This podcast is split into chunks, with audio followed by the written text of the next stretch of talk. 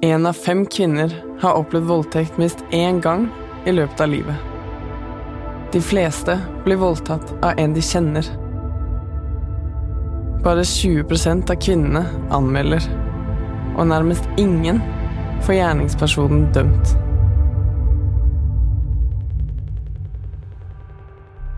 Hei, jeg er Lea. Jeg elsker skogen, mennesker, mat, tekno og nye ideer. Da jeg var liten, var jeg nysgjerrig og sta. Som ungdom søkende og med på alt. Trygg på verden og menneskene i den. Det ble tatt fra meg i 2016. En dag i august. Den dagen jeg ble voldtatt av en jeg elsket. Dette er min historie, om veien gjennom helvete og tilbake til livet. Takk for at du lytter.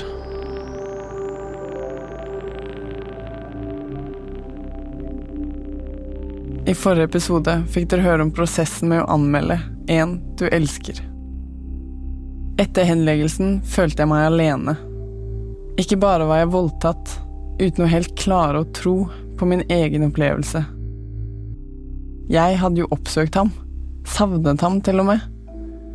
Samtidig gjennomgikk jeg alle reaksjonene. Panikkangstanfall, hukommelsestap, utmattelse. Så klarer jeg endelig å anmelde. Fortelle i timevis til mange nye mennesker. Og så blir jeg ikke trodd. Jeg klagde til og med til statsforvalteren på at politiet ikke hadde undersøkt godt nok. Det gjorde at de åpnet anmeldelsen igjen, men også da ble saken henlagt. I det minste ble saken endret til mangel på bevis istedenfor ingen straffbar handling anses å ha skjedd. Det er en dobbel ensomhet i dette. Ensomheten i å være en av de som står skadet, liksom utenfor samfunnet og ensomheten er jo ikke dele virkelighet med andre. Derfor var de tre månedene med gruppeterapi jeg gikk i både før, under og etter anmeldelsen, livreddende for meg. Der møtte jeg andre som også hadde det slik som meg, og som trodde på meg. I denne episoden får dere høre meg, Hilde og Renate snakke sammen om gruppeterapi. Jeg husker at jeg var redd for at det jeg hadde opplevd, ikke kom til å være så ille i forhold til dere andre. Så det var veldig godt å få, liksom, få de sjokkerte blikkene og trøstende ordene. Dette er Hilde. Hun opplevde voldtekt som mindreårig, og det har tatt henne mange år å fortelle til andre hva hun har opplevd. Historien hennes gikk inn på meg, men mest av alt gikk følelsen hennes inn på meg. Hun hadde det vondt og lette etter ord. Jeg husker også hvordan andres reaksjoner på mine historier fortalte meg noe om alvoret i mine opplevelser. Ansiktene til de rundt meg sa stakkars deg, det skulle ikke ha skjedd, det må ha vært vondt for deg. Før jeg startet å gå i gruppa, var jeg usikker på om jeg skulle orke å høre på alle de andres tunge historier. Gå rundt og drasse på deres, i tillegg til mine egne. Men raskt forsto jeg at dette handlet om noe mer. Det handlet om å bære sammen og finne en vei ut. Det hadde heller telt ikke sånn veldig mye akkurat hva som hadde skjedd, men hvert fall litt. Det var jo det Ja, det med å reagere på andres historier gjorde at jeg skjønte at ja, men de forteller jo nesten det samme som meg. Hvorfor blir jeg så sint når de forteller, men ikke sint når jeg forteller? Jeg skjønte liksom, i hvert fall logisk, da, at det, det er jo ikke riktig. Jeg burde bli sint av min egen historie også. Det var mye fellestrekk, husker jeg. Sånn veldig mange like reaksjonsmønstre, og at vi tenkte mye av det samme og opplevde mye av det samme. Mm. Og da var liksom en bekreftelse på at ja, men vi har alle denne delte den opplevelsen vi deler, i hvert fall til en viss grad, og alle jeg opplever det. Så det var veldig, det var veldig fint å få bekrefta at det er ikke bare jeg som er ja, dum og liksom svak, da. Det var, det var veldig slitsomt, som det meste terapi er. Og man ble veldig utmatta etter den ene dagen i uka hvor vi møttes. Men det var veldig fint. altså Først og fremst så var det jo fint. Og ga utrolig stor nytte. Men jeg følte meg jeg veldig mye mindre alene og ja, kom liksom mer i kontakt med meg selv og sammen med dere.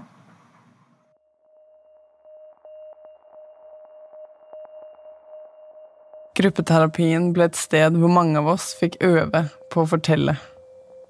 Det å si det høyt til folk man ikke kjenner, i en situasjon som på mange måter er sosial, er god trening. Det blir sant. Og når det blir sant, må man forholde seg til det.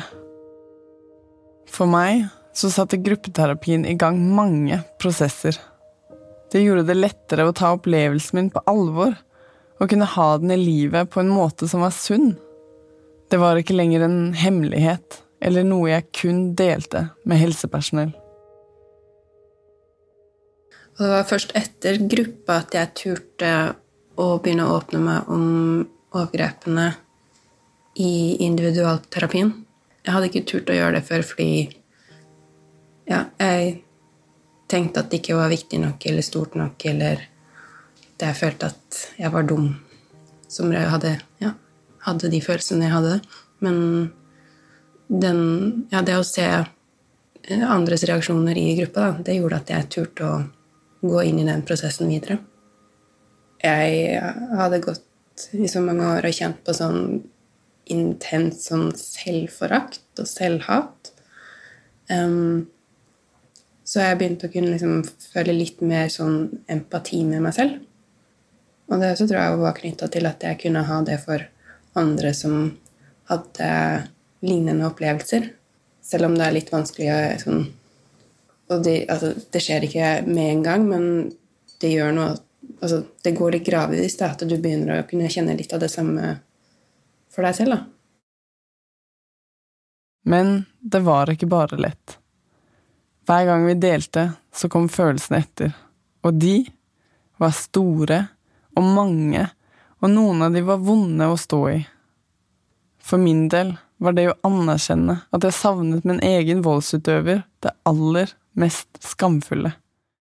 Det fikk jeg hjelp til å sette ord på da en annen kvinne i gruppa, som hadde opplevd grovere vold, savnet sin voldsutøver.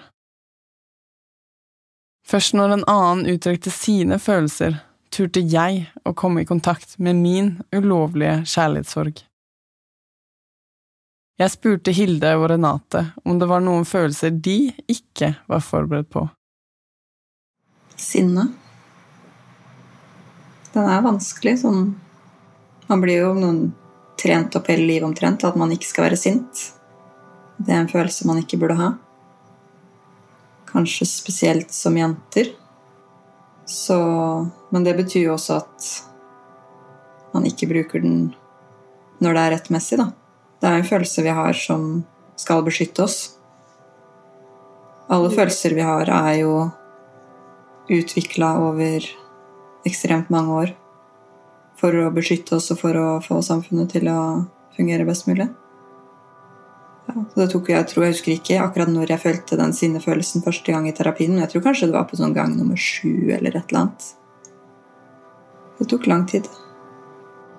Men jeg husker at det som liksom var deiligst, tror jeg, var første gangen jeg liksom følte på ordentlig sinne. Det var liksom ja, Det var en helt ny opplevelse, for jeg hadde jeg ikke følt på sinne overfor meg selv, i hvert fall. Det var helt sikkert. Og det jeg tror det var liksom et startpunkt for at jeg klarte å være sint på vegne av meg selv også, når jeg ble skikkelig sint på vegne av en av de andre i gruppa. Når hun fortalte noe om sin opplevelse. Ja. Kanskje sorg også. At jeg liksom Ja. det har tatt tiden til å faktisk sørge litt over det jeg har mista, da. Måtte, sånn, altså, sånn, jeg er jo takknemlig for hvordan livet mitt er nå, men tenk alt som kunne vært annerledes hvis jeg ikke hadde de opplevelsene jeg hadde. Kanskje jeg kunne ja, klart å konsentrere meg på skolen, tatt en helt annen utdannelse, liksom vært noe helt annet. da. På en måte en sorgprosess og måtte akseptere at det livet man så for seg, ikke ble noe av.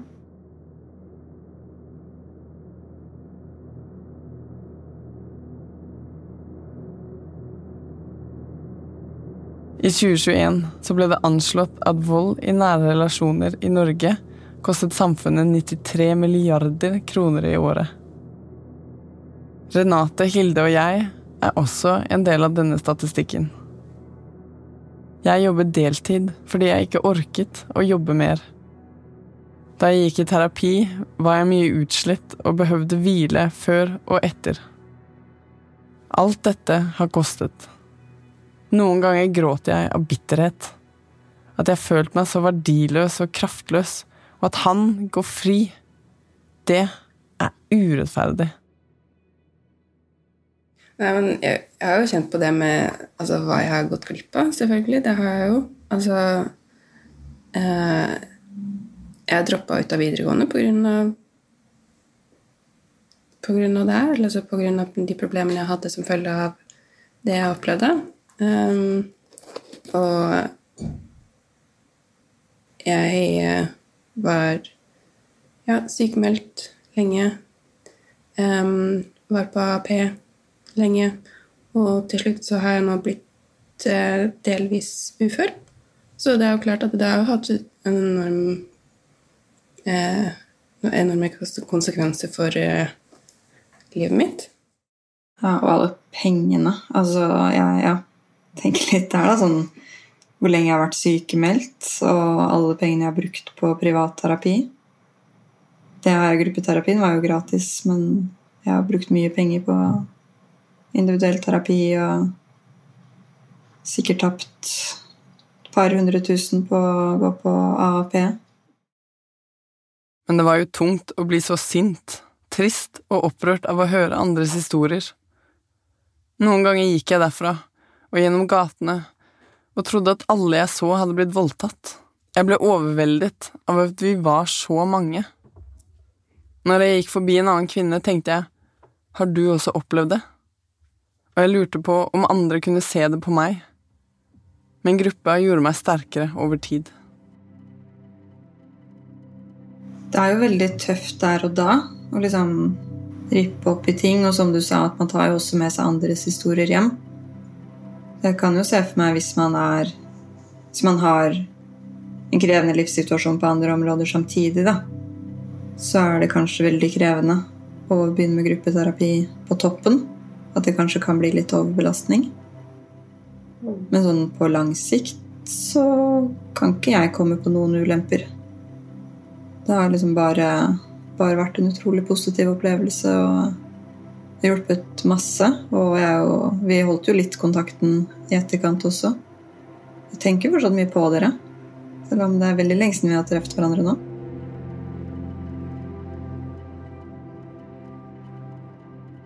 Altså, jeg har barn. um, og det var noen ganger at jeg um, brukte litt ekstra lang tid på veien hjem for å komme hjem etter de var i seng. Um, sånn at jeg ikke skulle kunne Eller måtte liksom ha på et normalt ansikt og um, møte dem liksom som, som mammaen deres uh, med en gang. Uh, for det var det ikke alltid jeg eh, var i stand til sånn rett etter gruppa. Um, men ja, nei, det var Utover det så Jeg jobba også redusert i den perioden, så, men sånn sett så gikk det greit. Jeg tror ikke jeg hadde klart å jobbe fullt, men det er jo veldig forskjellig fra person til person, da. Det var spesielt én time etter ca. seks uker eh, når gruppelederen eh, ga oss alle Post-It-lapper. Og så sa hun at vi skulle skrive to fine adjektiver om hver enkelt person i rommet, og gi dem til hverandre etterpå. Når jeg skulle lese opp mine, eh, så ble jeg veldig rørt. Ordene betydde så utrolig mye for meg, fordi disse menneskene kjente de mørkeste sidene av meg, og mine dypeste tanker om selvhat. Og fortsatt så kunne de se lyset i meg. Og det betydde mer enn alle de andre fine ordene jeg hadde fått fra hippier på den alternative reisen min. Det var bare sånn Kødder dere med meg? Ser dere det?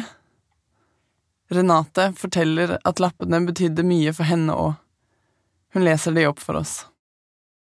Først står det 'stort pågangsmot', 'omtenksom'. På neste så står det 'modig' og 'god'. Og på siste så står det 'vakker' og 'sterk'.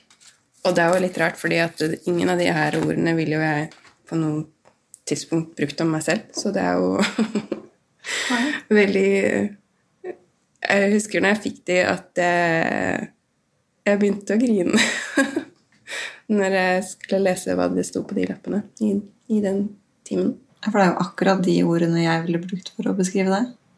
Og to av de er også de jeg har brukt for å beskrive deg. Ja. Men alle de andre også. Ja.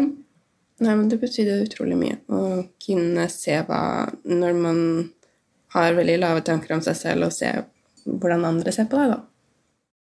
Jeg, Hilde og Renate er alle enige om at det var en viktig ting å gå i gruppeterapi.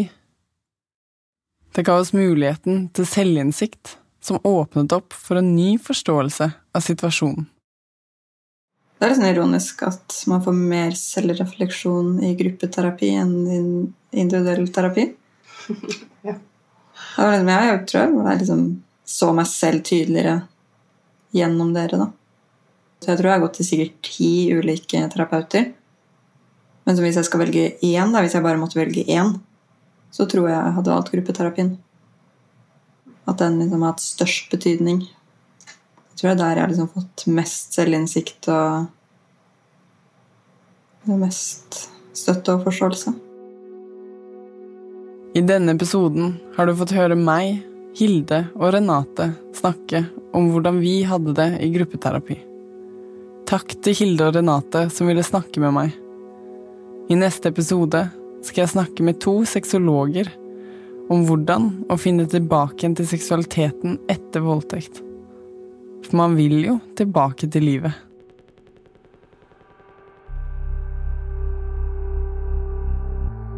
Vi har kontakta Thomas flere ganger, sånn at han skulle få anledning til å fortelle sin versjon av hva som skjedde mellom han og Lea.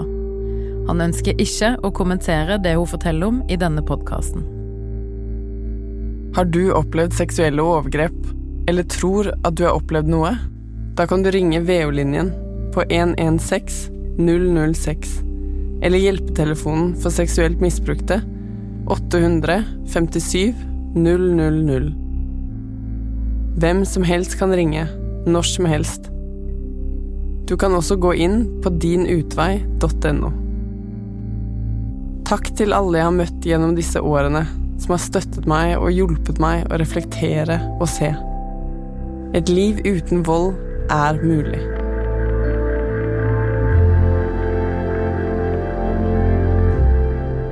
En dag i august er en serie fra magasinet Altså, laget av Filt Oslo og meg, Lea, som forresten ikke er mitt egentlige navn. Vi har byttet ut alle navn i historien. Vi har også byttet ut flere stedsnavn og årstall. Produsenter er Anne Gerd Grimsby Haarr og Ådne Riis Hallås. Manuskonsulenter er Pia Ilonka Jensen og Ida Palin Bostadløkken. Lyddesign og miks er Truls Rokiki. Ansvarlig redaktør er Ida Eliassen Coker hos magasinet Altså. Serien er støttet av Norsk Kvinners Sanitetsforening, Fritt Ord og Stiftelsen DAM. Jeg heter Ida Eliassen Coker og er sjefredaktør i magasinet Altså, som har gitt ut denne podkasten.